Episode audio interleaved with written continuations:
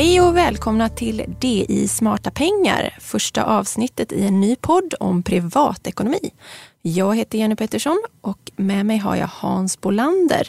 Vi jobbar båda två med bevaka privatekonomi på Dagens Industri. Ja, framöver ska vi prata om en mängd olika privatekonomiska frågor. Så hör gärna av er med uppslag på vad vi kan prata om. Nu kör vi igång premiäravsnittet och det ska handla om fritidshus. Jenny, du har under våren pratat med mäklare, banker och andra proffs på marknaden om hur det ser ut nu. Hur, hur mår fritidshusmarknaden egentligen? Ja, jag har ju hört mig för med branschfolk bara den senaste veckan och de beskriver en ganska avvaktande stämning faktiskt. Utbudet jämfört med förra året, så här inledning av året, så har faktiskt utbudet backat med 21 procent enligt Hemnet annonserna alltså har gått ner med 21 procent. Ehm, starten på året har varit rätt så trög. Men eh, det pratas en hel del om att det kanske kan ta fart här till Kristi himmelfärdshelgen nästa vecka. Förhoppningsvis blir det lite schysstare väder också. Det ska bli värme redan till helgen.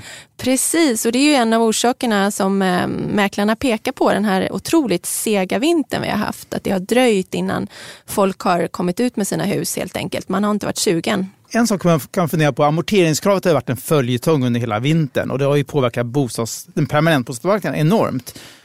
Betyder det någonting för fritidshusmarknaden? Eh, det är väl lite svårt att säga än så länge. Eftersom det har varit en trög start så vet man ju inte, är det bara vintern som är förklaringen eller har amorteringskravet spelat in? En del mäklare säger att de ser en tydlig koppling. Framförallt kanske tungt belånade hushåll i Stockholmsområdet har inte längre samma utrymme att låna på sina lägenheter här om de inte vill slippa den här extra amorteringen som följer med det skärpta kravet. Eh, och det kan ju göra att hela kalkylen spricker då. Och det kan också vara en anledning till avvaktan som vi ser, att folk vill se lite vad marknaden tar vägen. Fritidshus är ju oftast kanske inte så att man måste sälja i år utan man kanske bestämmer sig för att avvakta ett år eller så. Då. Så det är svårt att säga ännu. Exakt, hur det på samma sätt så måste man inte köpa ett fritidshus i år heller. Utan om värdet på ens bostad har gått ner med 10-20 procent då kanske man ligger lite lågt också tills man ser vad, vad marknaden tar vägen. Absolut, så jag tror att det kan vara en del av förklaringen. Men vi får väl se här de närmaste veckorna när, när det verkligen kanske exploderar med värme och våren verkligen kommer på allvar och så, ja. var vi hamnar. Du, vad är det som säljer bäst egentligen på? Vad är det som spekulanterna gillar mest? Ja, man kan väl säga att det där med torp utan el och vatten, det lockar inte så himla många längre. Eh, jag vet att nere i Småland finns det ju en hel del såna, den typen av torp och där tror jag det är mest är danskar faktiskt som är intresserade av den, eh, de typen En del av, tyskar kommer ju Ja, en del tys, tyskar och sådär eh, på senare år. Svenskar man vill ha en högre standard helt enkelt. Allt fler använder ju sitt fritidshus året runt numera och man vill ta det lugnt på semestern. Man kräver lite bättre tillgång till vatten, kanske till och med wifi, alla den här typen ja, av saker. Fiberutbyggnaden har ju tagit fart ordentligt på landsbygden. Verkligen. Och allt det där gör ju att ja, standarden höjs helt enkelt och med det följer ju också prisuppgångar. Priserna har gått upp i snitt ungefär 9 procent de senaste åren. Men det är ju naturligtvis en enorm skillnad. Jag menar, det finns ju fortfarande de här torpen som vi pratar om som kanske intresset inte är så stort för då. Som du kan få för någon, alltså hund, ett par hundratusen om ens det. Fram och upp till villor för mång, mång miljonbelopp. Så det... Vi vet ju att alltså, närheten till vatten och och skärgård betyder ju jättemycket. Så om man kan avstå från det, då, då, då sjunker priset. Absolut. Kan du tänka dig att cykla ner till vattnet ett par kilometer så har du ju sparat åtskilliga hundratusen kanske. Du, man kanske kan tänka sig att eh, tyskar och danskar blir lite mer sugna nu när svenska kronan är så svag. De får ju mycket för sina stålar. Absolut, så det blir också en spännande grej att följa här framöver om det påverkar marknaden på något sätt. Hans, eh, du och din familj ni har ju haft sommarstuga i drygt 20 år. Vad tycker du den som går i stugtankar bör tänka på?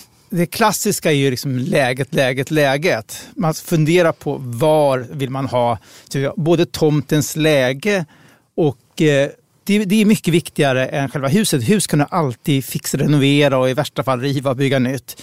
Men sen ska man också, det är lätt att bli förförd av den här sommargrönskan som nu kommer. Så att jag tycker man ska titta på, som, på fritidshus året runt. Och gärna köpa hus på hösten, vintern. Då det är så, det, dels är det färre som är med och budar om det är så och dels så, så får du en, en annan uppfattning. Du kan, kan tänka in att här kan vara också en regnig dag. Fast utbudet är ju lite mindre såklart på vintern men Samtidigt andra möjligheter kanske. Exakt, men eh, det viktigaste av allt egentligen är att titta på många husköp, inte första bästa, åk runt och kolla och prata med människor du känner och andra med hur, om områdena och så. Men tror du att eh, folk underskattar vad det kostar att ha ett hus? Ja, det, det tror jag man. Det är lätt att göra. Om man inte har ägt, om man bor i villa är det en sak, då har man lite koll på. Men om man inte bor i villa så underskattar man det definitivt. Jag skulle säga att det finns, alltså inför köpet, då är det viktigaste är att kolla tak, grund, badrum, kök som är liksom dyrt att fixa till om det. Då. Och definitivt, om det går så långt, anlita en besiktningsman. Om man inte är väldigt proffsig själv eller har vänner som är byggkonsulter eller ingenjörer. Men eh, det drar lätt iväg på ett par hundratusen. Men sen tror jag också att de här årliga kostnaderna är väldigt lätta att underskatta. Bara enklare saker som och ibland måste man måla om vissa fasadväggar och du, kanske nya utemöbler ibland och nya husgeråd och du måste byta lite plankor. Och det, det går, ja, jag skulle säga 10 000 om året är ingen underdrift, minst på den typen av... Eh, det löpande enkla, menar du? Ja, exakt. Då. exakt ja. Ja. Sen har du ju såna fasta kostnader som du har, ska betala sophämtning, eh, vatten och avlopp, om det är kommunalt vatten och avlopp, el. Och det kan ju liksom gå allt från ett par hundralappar i månaden till mer om du ska ha det uppvärmt under vintern. Och man använder, många vill ju använda husen mer på vinterhalvåret också och då stiger elkostnaden. Så att eh, det, det ska man verkligen räkna med.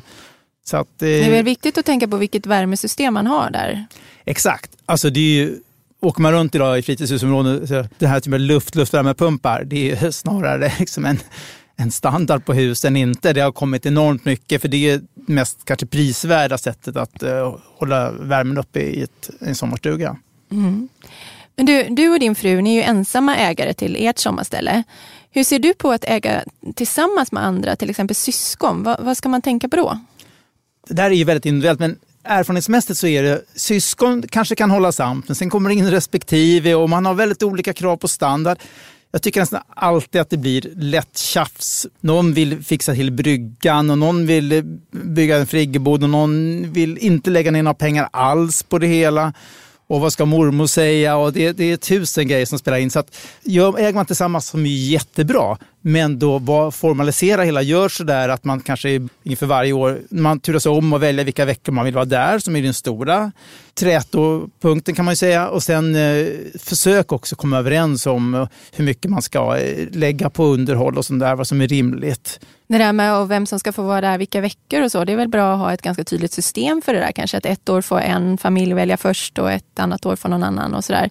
Så att det inte blir jag tänker att ju mer uppstyrt man har det, desto min, mer minimerar man eh, riskerna för, för tjafs. Exakt, det skulle, jag, ja, det skulle jag verkligen göra. Men sen kommer det också, ja men sen kanske man också vill ha lite släktträffar med fler och då, kommer, då kanske man måste investera och bygga en friggebod på tomten för att fler ska få plats att sova.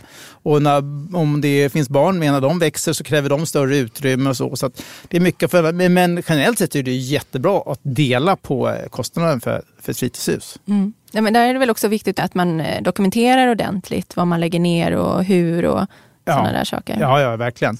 Ja, och, och, man kan ju tänka på sådana här, komma in på lite mer juridiskt finlir, så faktiskt sådana saker som äktenskapsförord och sånt där. För att man har hus som går i generationer så är det väldigt viktigt att inte man måste tvingas att sälja på grund av någon jobbig skilsmässa eller så. Så att det, det, det är också väl värt att tänka på när man har haft det länge. Just det.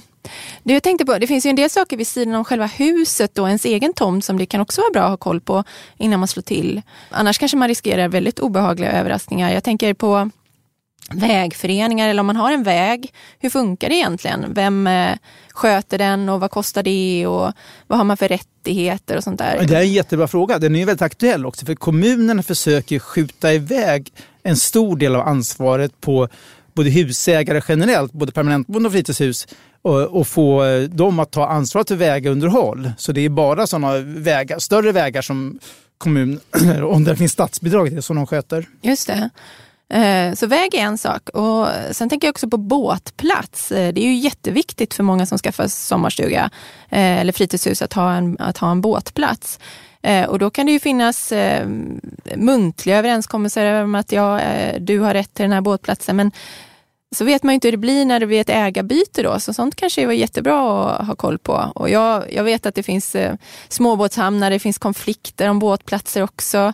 Det är ju inte så kul om man kommer in i ett sånt eh, område utan att känna till det och så har man räknat med vissa saker som, som sen då inte kommer gå att uppfylla.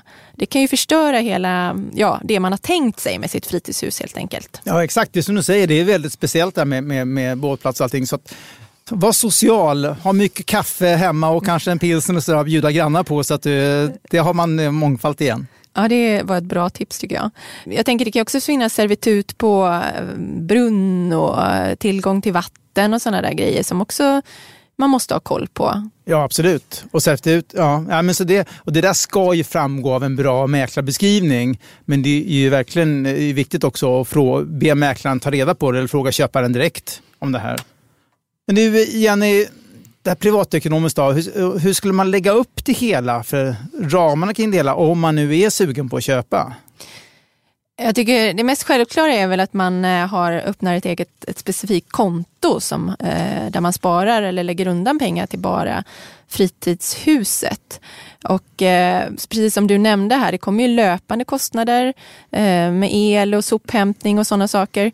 Men sen så kommer ju allt det där underhållet som inte sker lika ofta men som, som dock kommer. Måla om och allt vad det kan vara. Och det här får inte komma som överraskningar.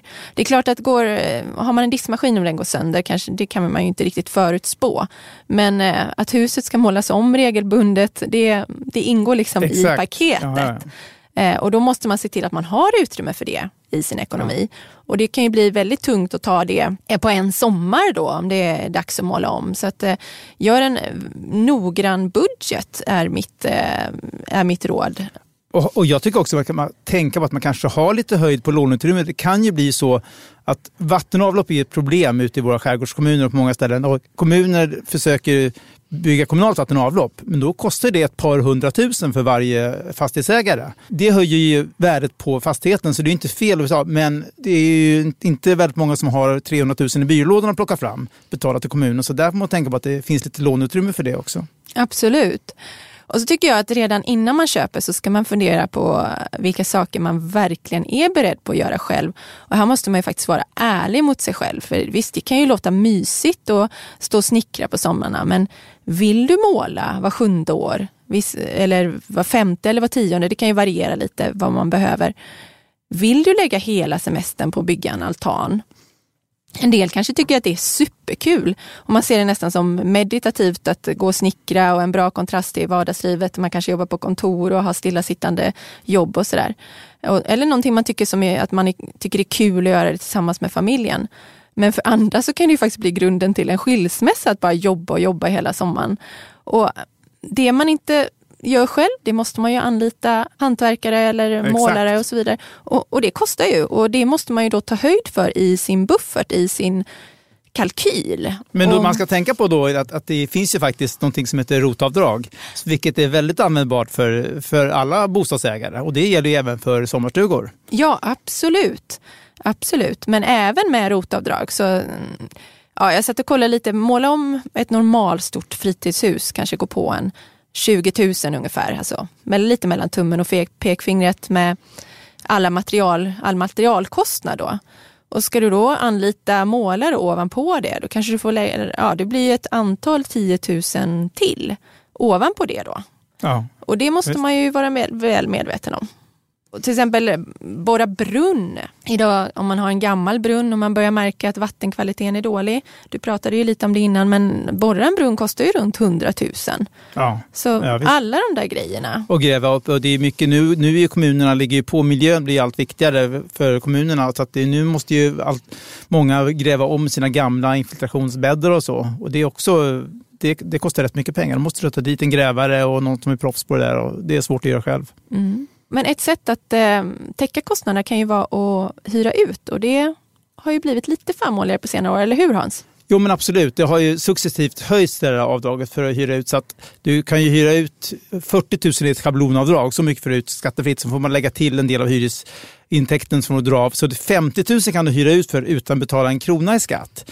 Och idag med både Blocket och Airbnb så har det blivit väldigt mycket enklare att eh, hyra ut. Och eh, jag vet genom vänner och bekanta som hyr ut att det går ju oftast väldigt fort att hyra ut under de populära veckorna. Problemet är oftast att du kanske vill vara där själv, då är det som lättast att hyra ut. Jag menar, det är inte så många som vill hyra i april kanske. Men, ja, men eh, ja, vet man mest att det står tomt några veckor eh, under, under de här ändå juli och augusti så är det hyggligt lätt skulle jag vilja säga om det är ett populärt område att hyra ut. Ja just det, och det är faktiskt någonting som bland annat Hemnet har tagit upp som en eh, aspekt som kan vara en av anledningarna till att utbudet har sjunkit. För det har ju sjunkit rätt rejält i år men det har ju också sjunkit successivt under, under flera år. Eh, att det är lättare att hyra ut och då kanske man inte blir lika angelägen om att sälja. Så den, det kan ju vara en sån förklaring. Men du Hans, nu har vi pratat jättemycket om kostnader. Vad är då fördelarna med att äga tycker du? Jag skulle säga att den stora fördelen är att man kan vara där under en stor del av sommaren så mycket man vill då naturligtvis. Men du är ganska väderberoende. Sverige har ju inte världens mest pålitliga sommarväder. Men är du på ett eget landställe då finns det alltid grejer att göra under regniga dagar eller lite halvtråkigt väder. Så finns det grejer att fixa med. Man inte, om jag, hyr man ett hus då vill man ha sol varje dag. Och kunna, men du, du är inte beroende, så det tycker jag är en stor del. Sen är det så här med att man får ju eh, man får kompisar i ett, om man gillar att bo i ett fritidshusområde då, så får du ju oftast kompisar där och barnen får kompisar. Och det blir lättare så. Det finns ju kanske grejer som eh, fotbollsplaner, tennisbanor och sånt som du kan utnyttja på, eh, på ett annat sätt när du är där under lång tid. Och sen får man tänka på att liksom, det, man får tänka på det som ekonomerna brukar kalla alternativkostnad. Det kostar, kostar en slant, som vi pratade om, att ha ett fritidshus. Men du behöver ju inte boka in den här charterresan kanske söderut. Sånt, så du sparar ju in pengar på det. Du behöver inte hyra ett hus på västkusten för att du har ett eget. Man kanske kan testa att hyra ett år för att se om det passar en. Ja, men, exakt, det tycker jag. Det kan man säga. Det gjorde, gjorde, vi. Vi kommer ihåg en sommar vi hyrde på, i ett område. Ska jag inte peka ut något område som, som dåligt, men vi kände nej, här vill vi aldrig ha en sommarstuga. så att det var väldigt bra ändå. Är man osäker, hyr och kolla läget så får man, blir man lite klokare. Blir det sommarstugan eh, hela sommaren i år då för er del? Ja, det blir det absolut. Och vi, vi, har en familj som växer och så. så att det, en stor del av familjen kommer att vara där eh, en stor del av sommaren, så det blir det definitivt. Ja, utlandsresor brukar vi försöka passa på att göra på vinterhalvåret. Och, vad tänker du göra själv då? Eh, jag kommer nog också vara en hel del i en sommarstuga. Den är inte min, men den är mina föräldrars. Eh, och den ligger det är på västkusten. billigt och bra. Ja, det är det verkligen. Man får väl försöka bidra med lite arbetskraft under de veckorna man är där. Då. Men det är väldigt trevligt också. Så att jag är ett stort fan av fritidshus faktiskt. Härligt. Mm.